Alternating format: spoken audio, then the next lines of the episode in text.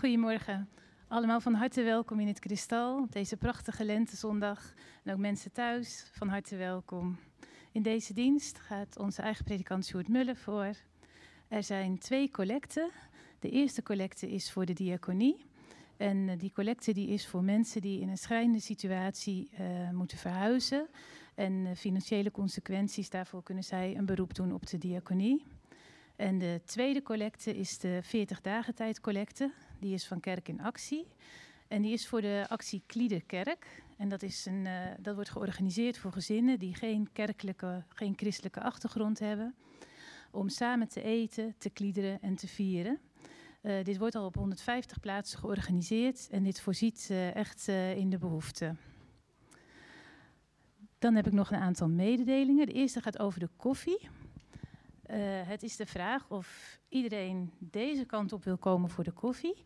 Dan uh, uit die deur en dan om het keukentje heen daar de koffie te pakken. Daarna iets lekkers te pakken bij de koffie en dan achterin of ergens anders het uh, op te eten en te drinken. Dit om opstoppingen in het gebouw te voorkomen.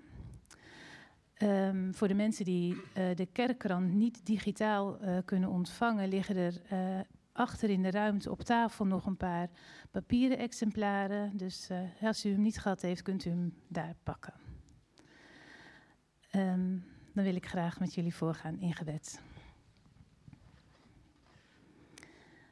Lieve Vader in de hemel, dank u wel dat wij hier met zoveel mensen weer in het kristal bij elkaar mogen zijn.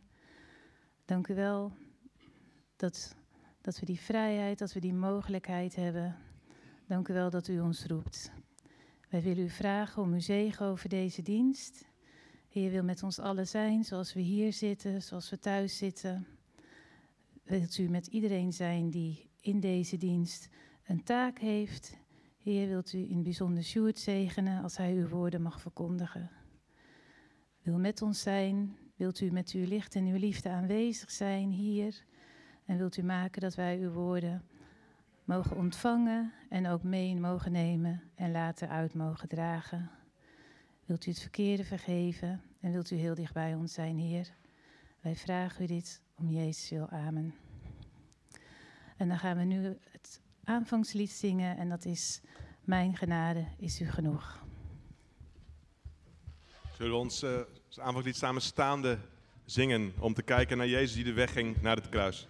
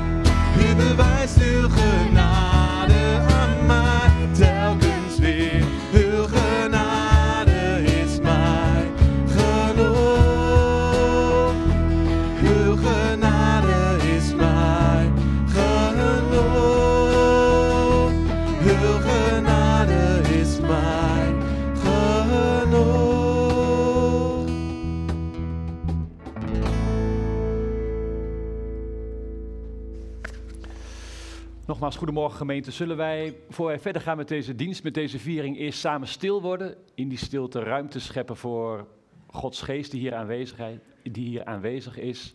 Ruimte scheppen voor de stem van Jezus om naar te luisteren. Zullen we samen stil worden?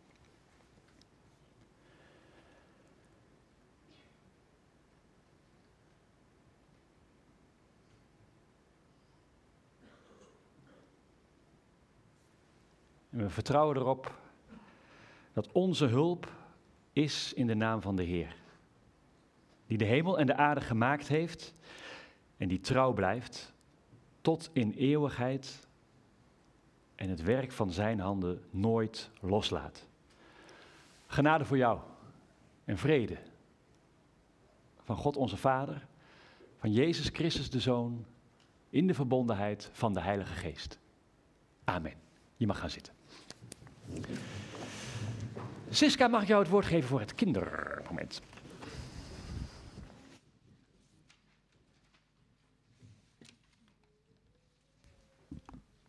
Ja, de kinderen die gaan zo meteen naar de kinderkerk.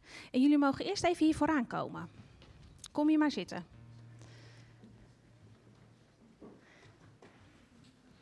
Ga maar lekker zitten. Kijk, we zijn met veel vandaag. Dat is goed nieuws. Kom er maar bij.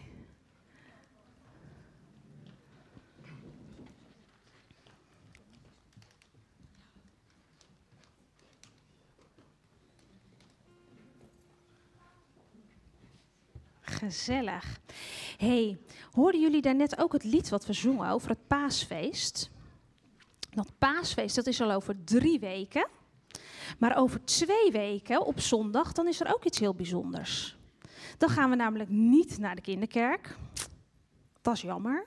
Maar dan blijven we hier in de kerk, want dan is het een gezinsdienst.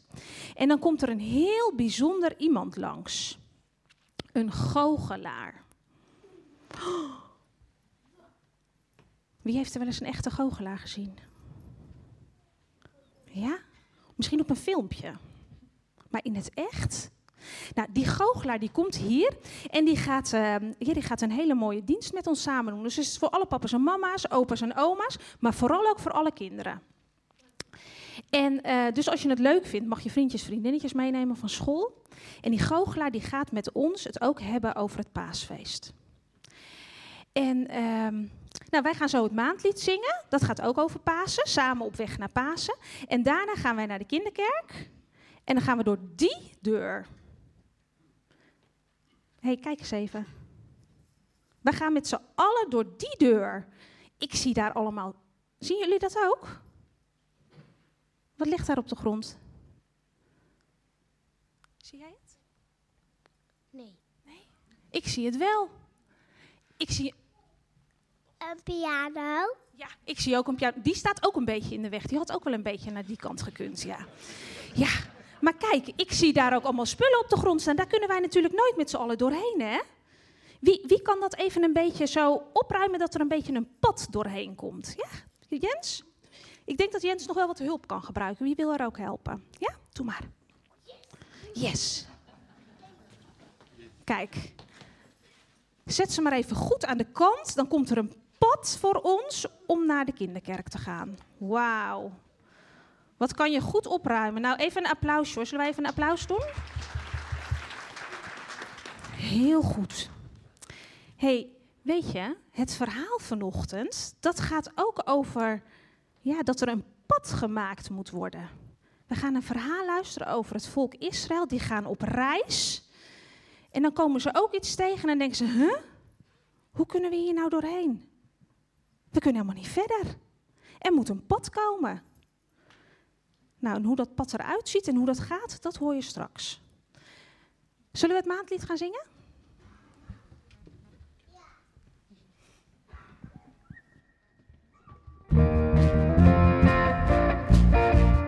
Samen op weg naar Pasen, samen op weg de toekomst tegemoet.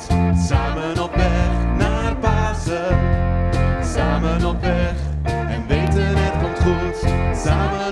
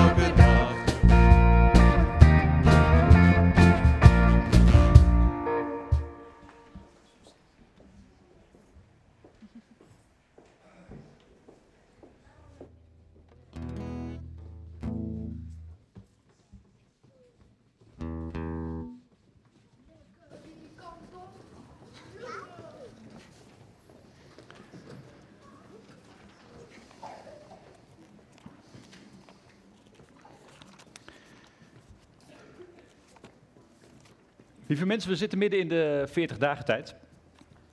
Eh, het is zondag letare. Quizvraag 100 punten. Wie weet wat zondag letare is?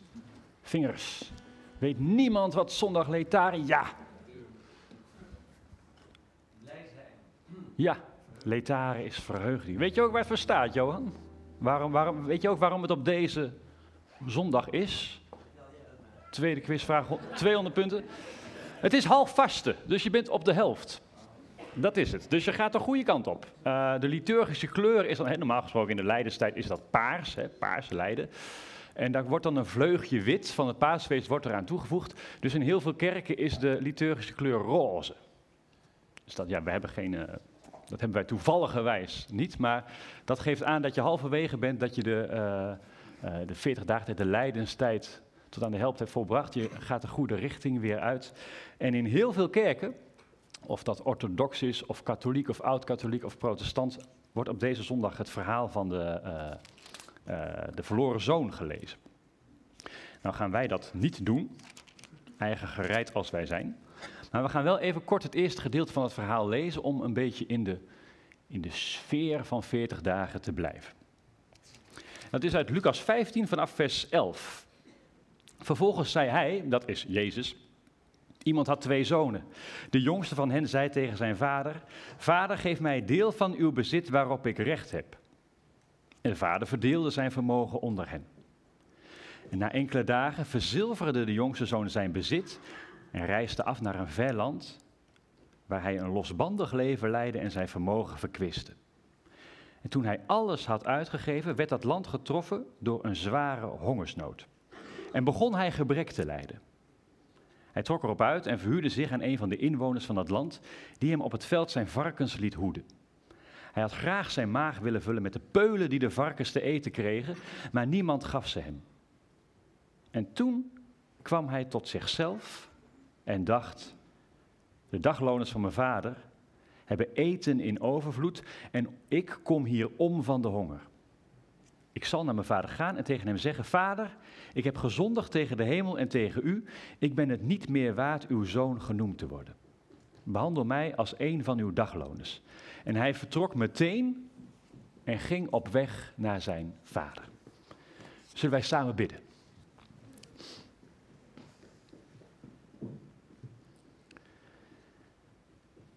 Trouw God, we zijn allemaal op weg naar u. Op weg naar huis. En soms kunnen we een heel eind zijn afgedwaald voor we überhaupt tot dat besef komen. En soms zitten we onszelf in de weg met alles wat misgaat, alles wat ons overkomt en hoe we daar dan weer op reageren. Soms wordt ons iets aangedaan door anderen. Maar allemaal hebben we deuken opgelopen. Allemaal zijn we ergens beschadigd.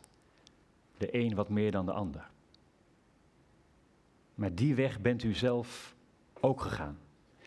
U bent in Jezus ver van huis geraakt. U heeft alles opgegeven. En u deed het niet voor uzelf, maar voor ons.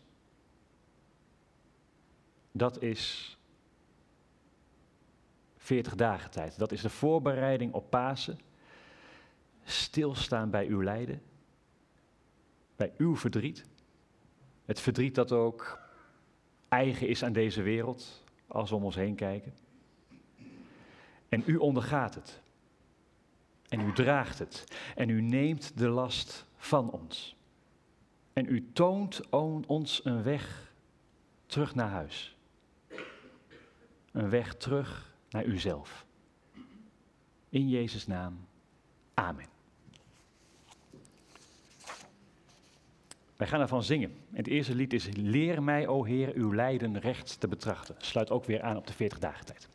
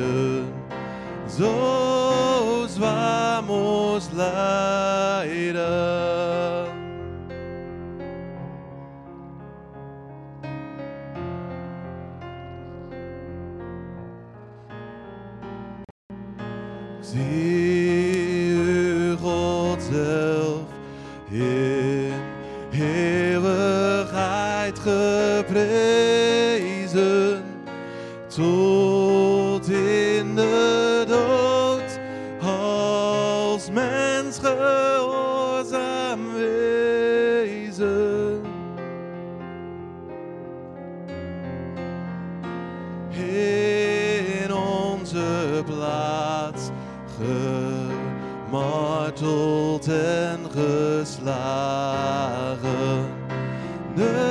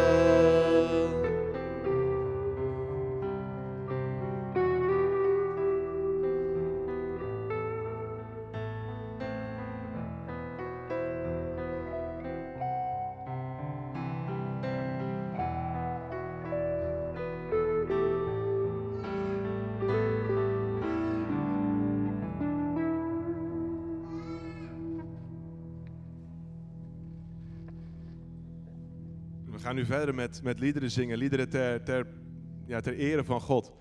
Vandaag gaat het onder andere over het niet in jezelf leven, maar leven in Hem. En het eerste lied gaat er vooral over. Dat wij in de holte van Zijn hand zijn. Dat Hij om ons heen is. Wij leven echt in Hem. Als je zo'n matroeska poppetje hebt, dan zit je in. Jezus zit om je heen. Zo willen wij Hem prijzen. En ook Hem als bevrijder aanbidden.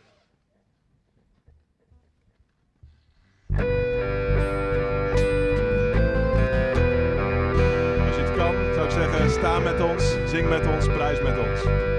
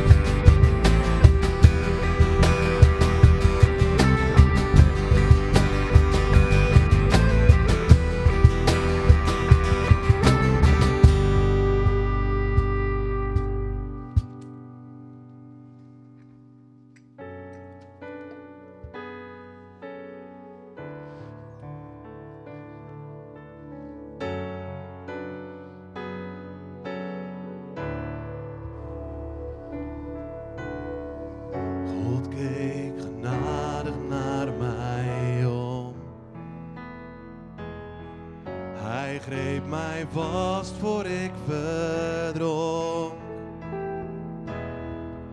en zette mij weer op vaste grond. De Heer is mijn bevrijder.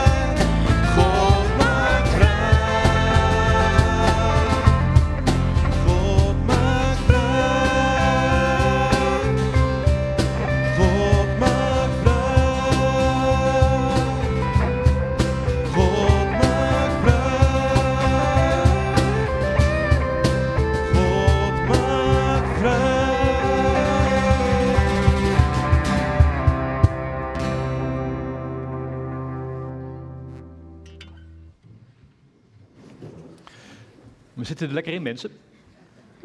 Eh, twee schriftlezingen rondom de tekst. Eh, af en toe heb je een Bijbeltekst die kruipt een beetje onder je huid. En dat hoort ook een beetje. Een Bijbeltekst moet af en toe een beetje irriteren. Moet je een beetje, wat moet dat met je doen? Heel vaak worden Bijbelteksten gebruikt als een soort nachtcrèmpje. Van, oh, dat is fijn en dat, hè, dat, dat, daar word ik er lekker rustig van. Komt ook door die scheurkalenders. En een beetje door de EO, moet ik eerlijk bekennen. Maar er zijn af en toe bijbelteksten waar je zegt van, hé, hey, dat, dat, dat, dat raakt me. En dit is er één van. Uh, Gert-Jan haalde hem al aan. Ik zelf leef niet meer, maar Christus leeft in mij. Dus ik zelf ben dood, maar Christus leeft in mij. Over die tekst gaan wij nadenken. Die staat in Galaten 2. Daarvoor lezen we nog een stuk van Jezus uit het evangelie van Matthäus, Matthäus 12. Maar voor wij dat gaan doen, gaan wij eerst bidden om de Heilige Geest. Zullen wij dat samen doen? Trouwe God, we willen zo de Bijbel openen, Bijbel openslaan. Een heilig boek voor de een, voor de ander een interessant boek, met hele mooie levenslessen. En voor weer een ander een hele dikke pil, met oude, achterhaalde verhalen. Maar misschien zeggen al die meningen wel meer over ons dan over u. U spreekt ons aan in de Bijbel. Op allerlei manieren. Op allerlei toonaarden. Dat is het werk van de geest. Dat doet de geest. Het spoort aan, het irriteert, het prikkelt. Maar die geest geeft ook feilloos aan wie u bent. Geef dat we een goed verstaande zijn. Dat we er niet zozeer iets van vinden, dat we er een mening over moeten hebben, maar dat het ons mag veranderen. Dat het ons mag aansporen om te handelen, om tot actie over te gaan. Om u ruim baan te geven in ons leven. Want een woord blijft bij u nooit woord alleen. Het blijft geen theorie. Het wordt vlees. Het krijgt een gestalte. In Jezus en in ons. Amen. Wij gaan lezen Matthäus 12, versen 14 tot en met, 43 tot en met 45 en Galaten 2, vers 15 tot en met 21. Maria gaat dat met ons doen.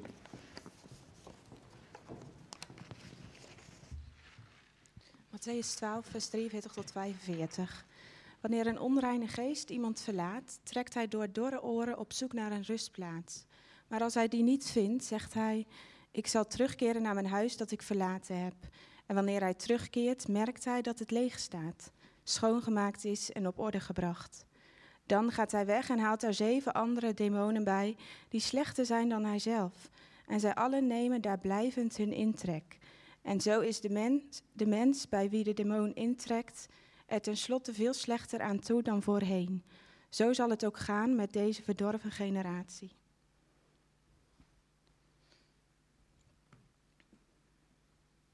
Dan een stukje uit Galaten 2, vers 15 tot 21. En daar staat boven: rechtvaardig voor God door het geloof in Jezus Christus.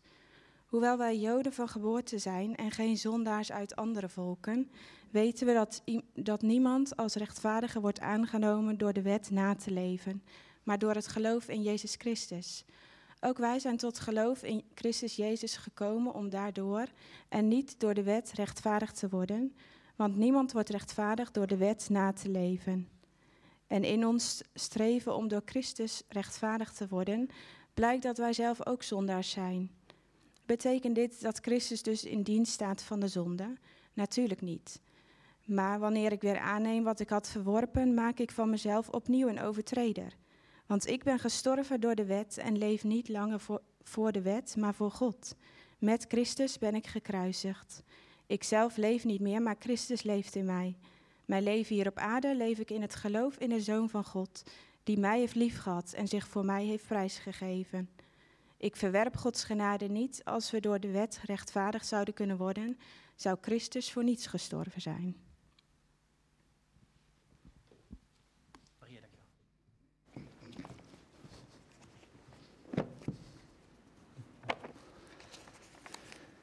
Even kijken. Slokje.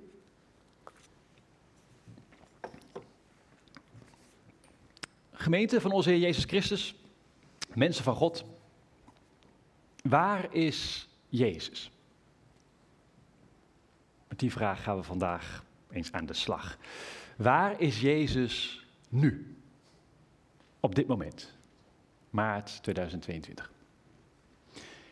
Je eerste gedachte, je eerste antwoord zou natuurlijk kunnen zijn: in de hemel.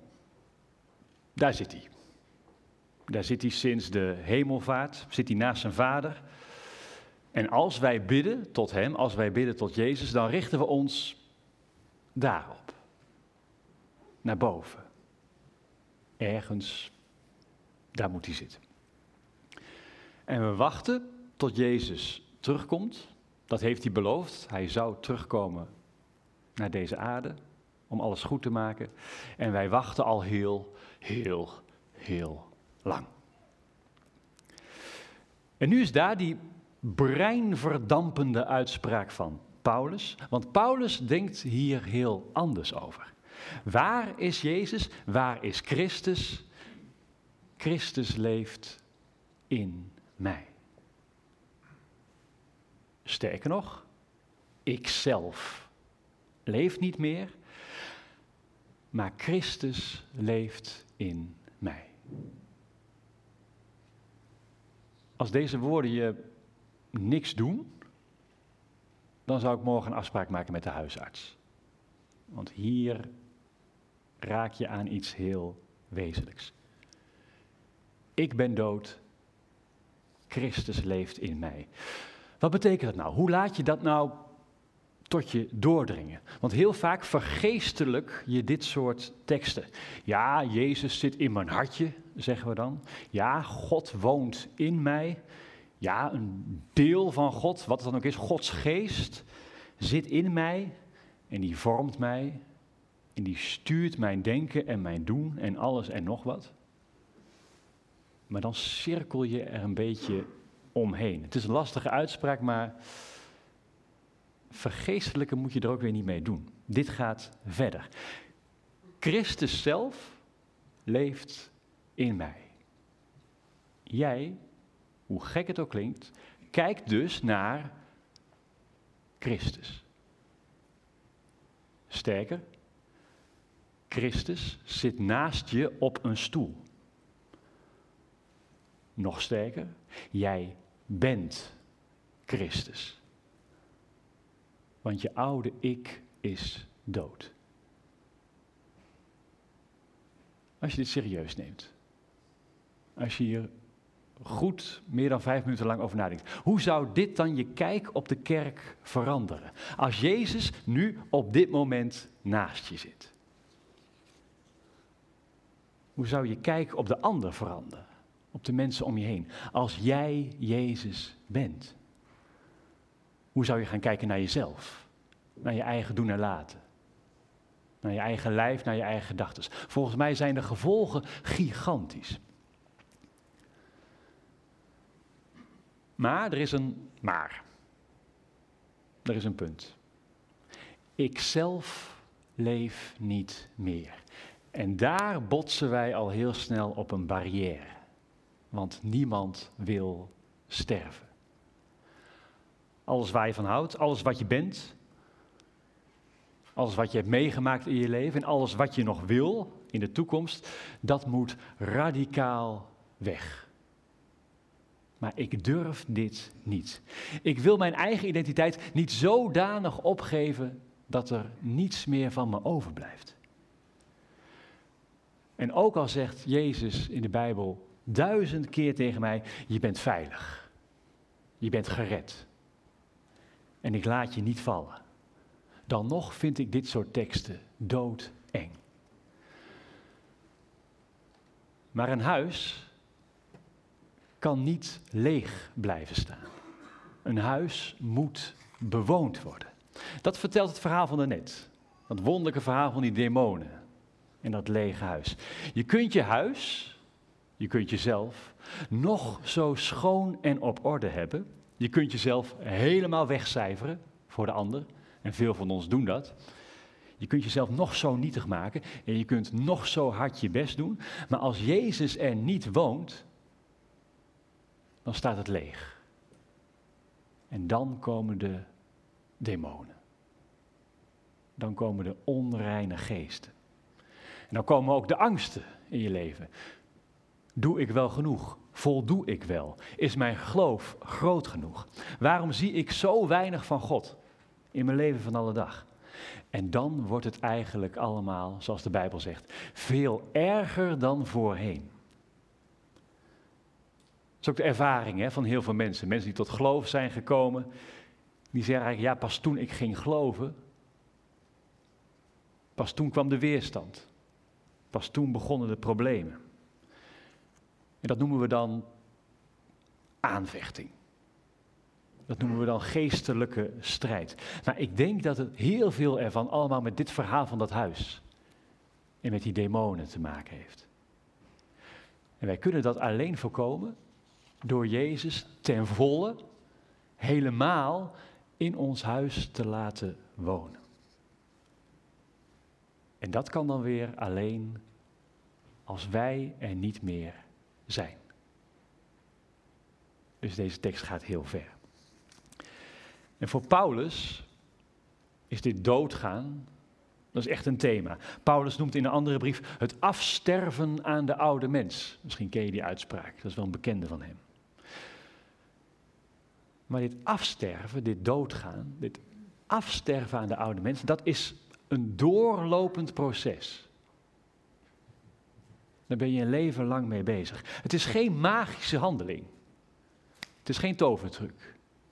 Het is ook niet het bereiken van een staat van zijn of zo, een soort onthechting, zoals bij Boeddha. Dit is een strijd. Dit is een smerige oorlog die je moet voeren. Dit is keihard werken. En in dit alles voel en proef ik dat ik Jezus nodig heb om die strijd überhaupt vol te houden.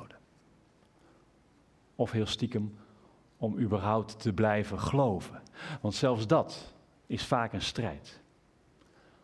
Om te blijven geloven in Jezus,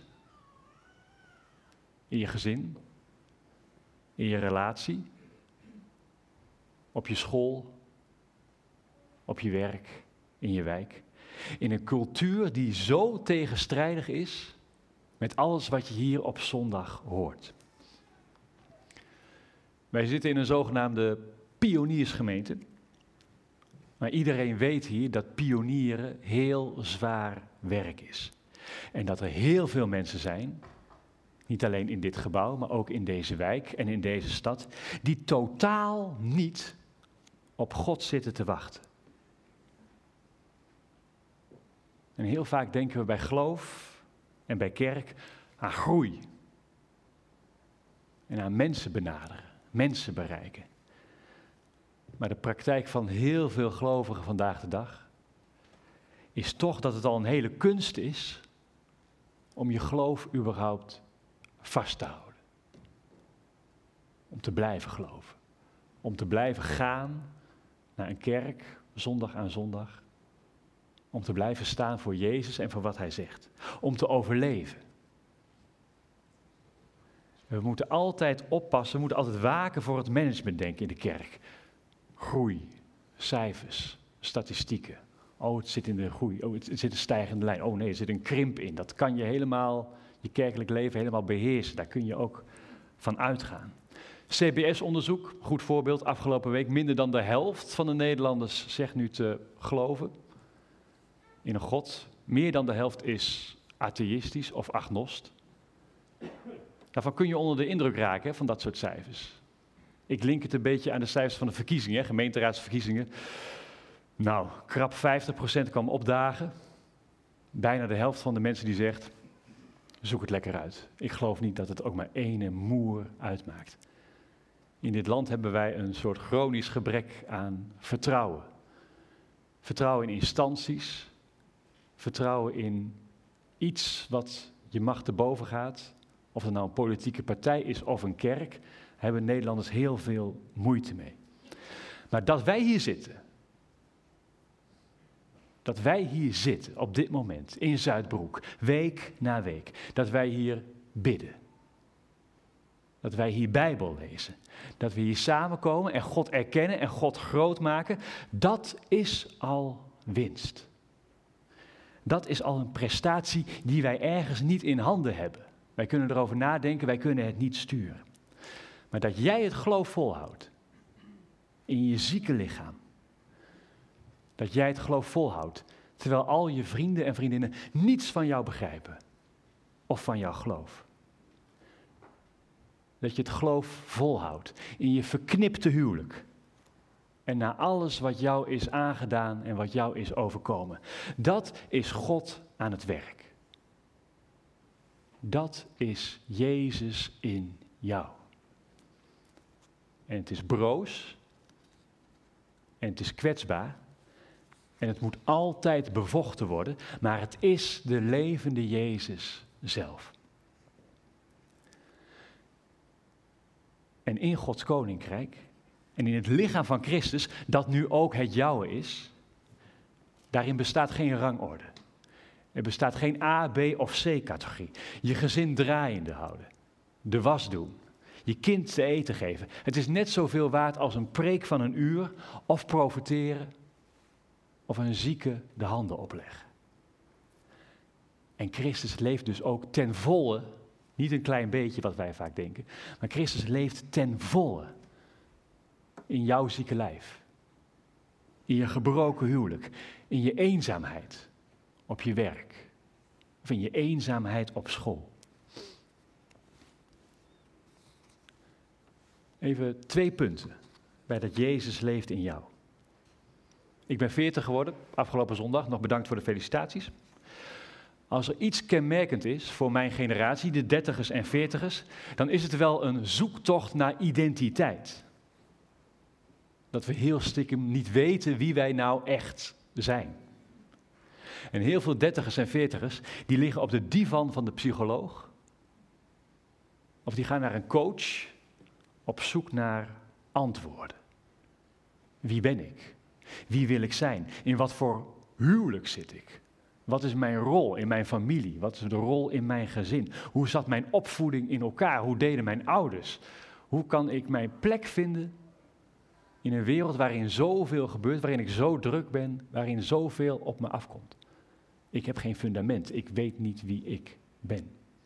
En heel veel christenen van mijn generatie, die lezen deze tekst van Paulus zo alsof Paulus, alsof Jezus hen hierin een identiteit verschaft. Dan zoeken zij hun identiteit in Jezus.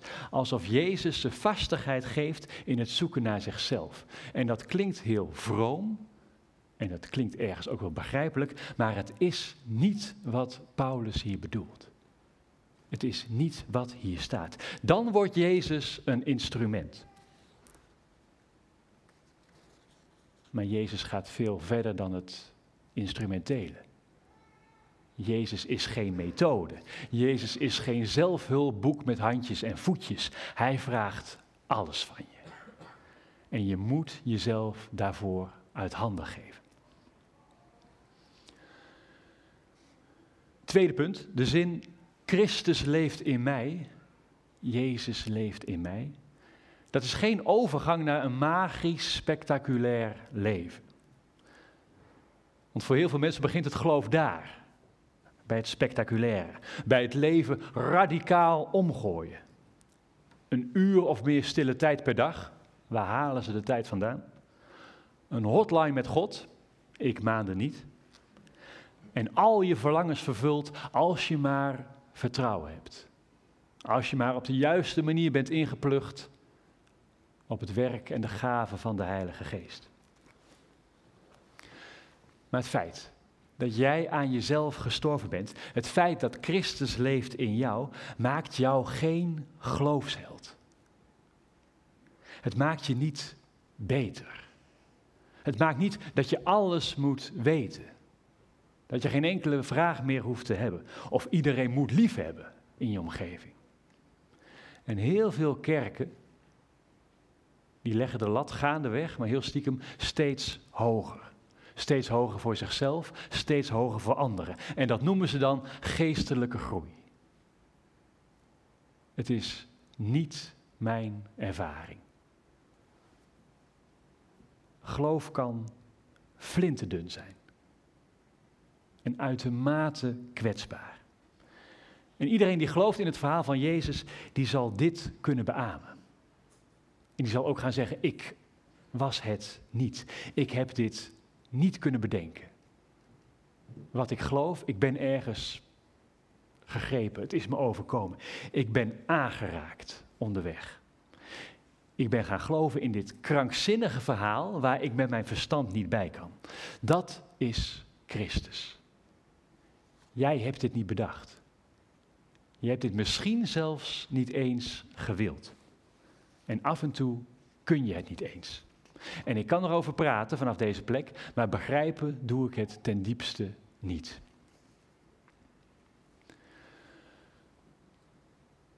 Christus leeft in mij. En ik zelf ben er niet meer. Hier stuit je op een wonder. En echt binnendringen, echt snappen, kun je niet. Maar dit is het wonder dat Christus leeft in jou. Eerst was ik mijn eigen God. En eerst geloofde ik heel ernstig in mezelf. Nu ben ik dood en leeft Christus in mij. Dan komt er ruimte. Dan kun je jezelf relativeren. Je kunt je problemen relativeren. Je kunt je kerk gaan relativeren. Dat is de vrijheid die alle verstand te boven gaat zoals Paulus dat beschrijft. Want als Jezus echt leeft in jou, dan wordt alles anders. En dan gaat veel verder dan goed, dan goed zijn of lief zijn voor je naaste. Het gaat veel dieper. Je krijgt een nieuw fundament. Als Jezus leeft in jou, dan besta jij niet meer voor jezelf. Want geloof me, mensen gaan kapot aan zichzelf. Mensen gaan kapot aan hun eigen gelijk. Als Jezus leeft in jou, dan leef je niet meer voor jezelf, je leeft voor anderen. Dan leef je voor de liefde. Dan leef je vanuit liefde. Dan leef je in zo'n innige verbondenheid met God dat jij daadwerkelijk Gods kind bent. Christus leeft in mij. En je kunt dat nog verder doordenken. Als Jezus leeft in mij, dan heb ik geleden. Dan ben ik opgestaan. Dan heeft de dood geen macht meer over mij, want alles is al volbracht door Jezus en dus is alles al volbracht door mij.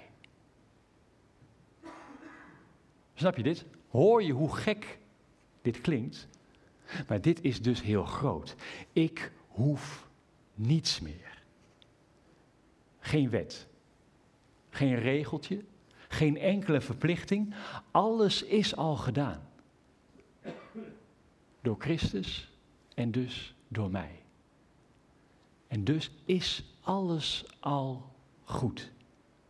Want je kunt Jezus geen wetten of regels meer opleggen. Het is volbracht, zegt hij. Jij bent volbracht. En ik hoop zo voor je dat je in die vrijheid leeft. En dat je geloof nooit verwordt tot iets dwangmatigs. Van, oh, ik moet nog zoveel. Ik moet dit nog doen. Ik heb dat nagelaten. Ik zit in een kramp. Zo ver gaat dit ene Bijbelvers. Ik zelf leef niet meer, maar Jezus leeft in mij. Amen.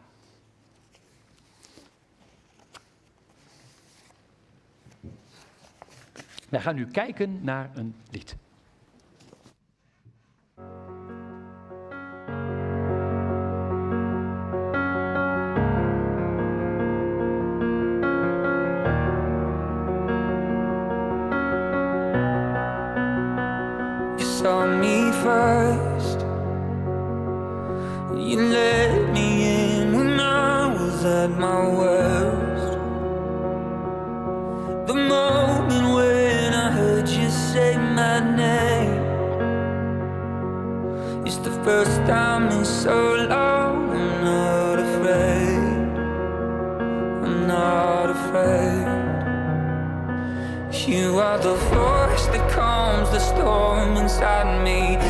Castle walls that stand around me. All this time, my guardian was you.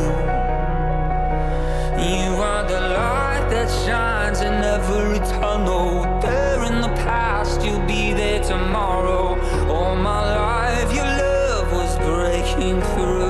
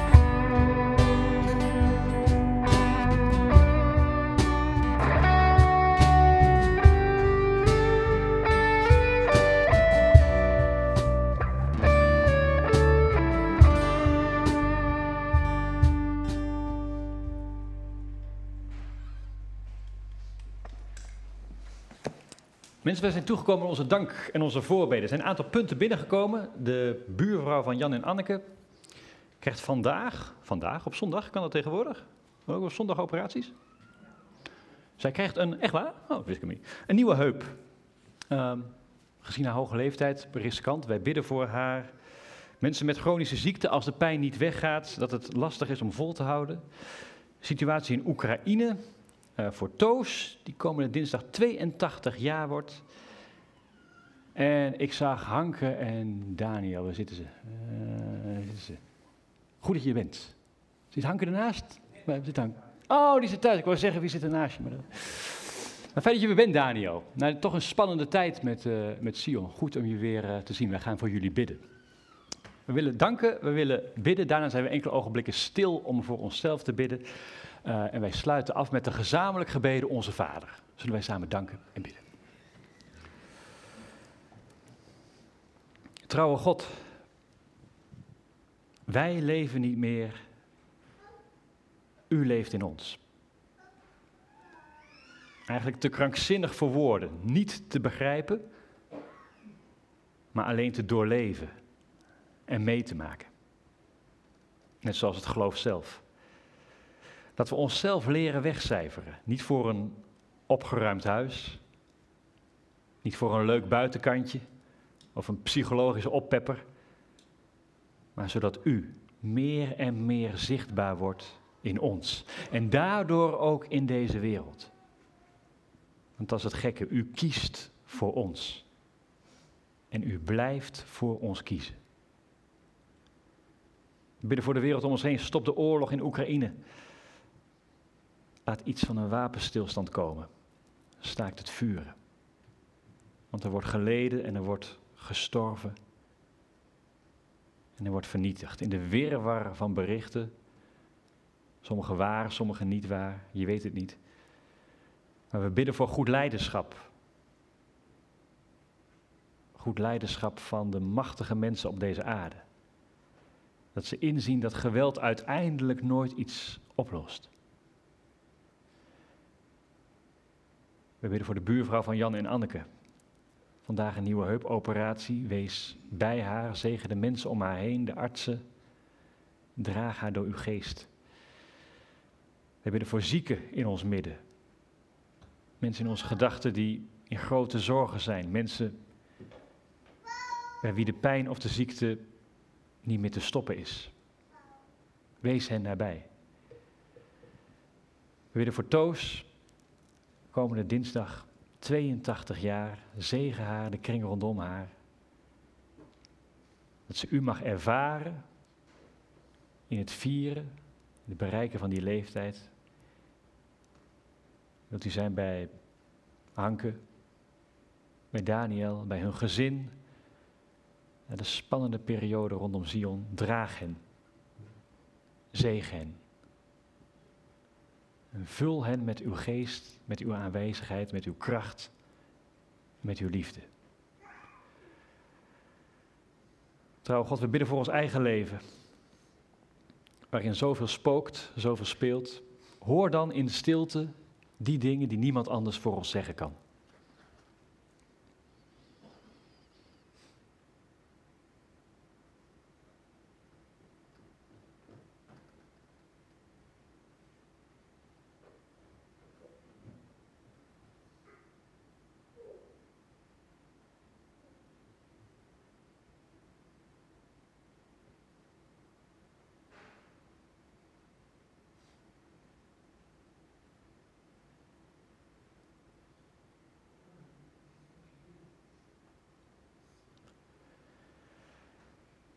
Neem alles samen met de woorden die uw zoon Jezus ons leerde toen hij bad. Onze Vader, die in de hemel zijt, uw naam worden geheiligd, uw koninkrijk komen, uw wil geschieden, gelijk in de hemel als ook op de aarde. Geef ons heden ons dagelijks brood en vergeef ons onze schuld, gelijk ook wij vergeven onze schuldenaren. En leid ons niet in verzoeking, maar verlos ons van de boze. Want van u is het koninkrijk en de kracht en de heerlijkheid tot in eeuwigheid. Amen. We hebben een collectus en na de collectus zingen wij zo mogelijk staande ons slotlied. Dat is geprezen zij de Heer. Dat allemaal na de collectus.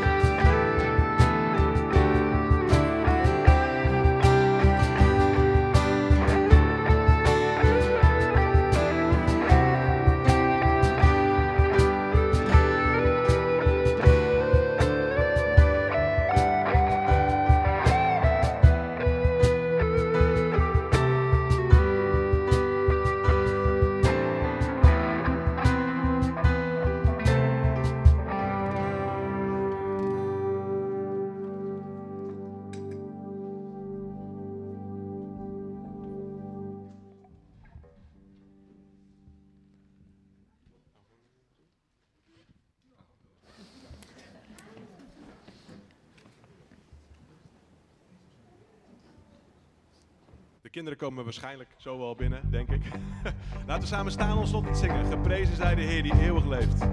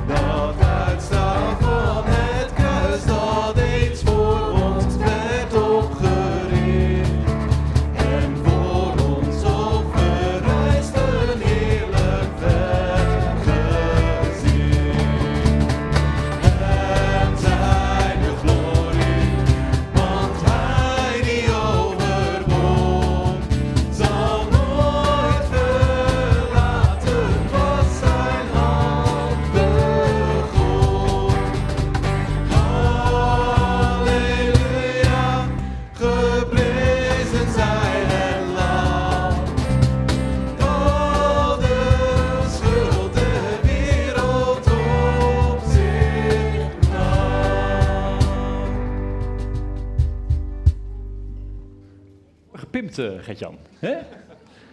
We hadden even wat, wat twijfels over het slotlied. Je hebt ook versies uit begin jaren negentig. Nou, dat is heel erg truttig, hè? heel erg langzaam. Dan denk je, oh jongens, dat, als het zo moet, hè, dan worden ze er boven ook niet vrolijk van. Maar dit is echt met die elektrische gitaar en dat percussie, dat is har- hartstikke mooi gedaan. Dankjewel, Gert-Jan. Dankjewel, muziek. Ik vond het sowieso prachtig eh, vandaag. Evert? Ja. Elektrische gitaren altijd goed, Evert. Ik vind het echt, eh, echt geweldig. Mensen, de zon is gaan schijnen. Eh, geniet van deze dag. De komende week eh, zijn er nog wijkkringen. Eh, daarna enige tijd weer niet. Dus maak daar vooral gebruik van. Ik heb vanmorgen in alle vroegte de vragen al naar u opgestuurd. Speciaal daarvoor heel vroeg mijn nest uitgegaan. Dus die gespreksvragen zijn er. Ehm, ontmoet elkaar nog via de aangegeven looproute. Volgens mij zo in grote lijnen. Dan kunt u elkaar nog spreken en ontmoeten rondom een plak cake en een kop koffie. Les best de zegen van de Heer onze God die wij mogen beamen. De Heer zegent u en hij behoedt u. En de Heer doet zijn aangezicht over u opgaan en is u genadig. En de Heer verheft zijn aangezicht over u en geeft u zijn vrede. Amen.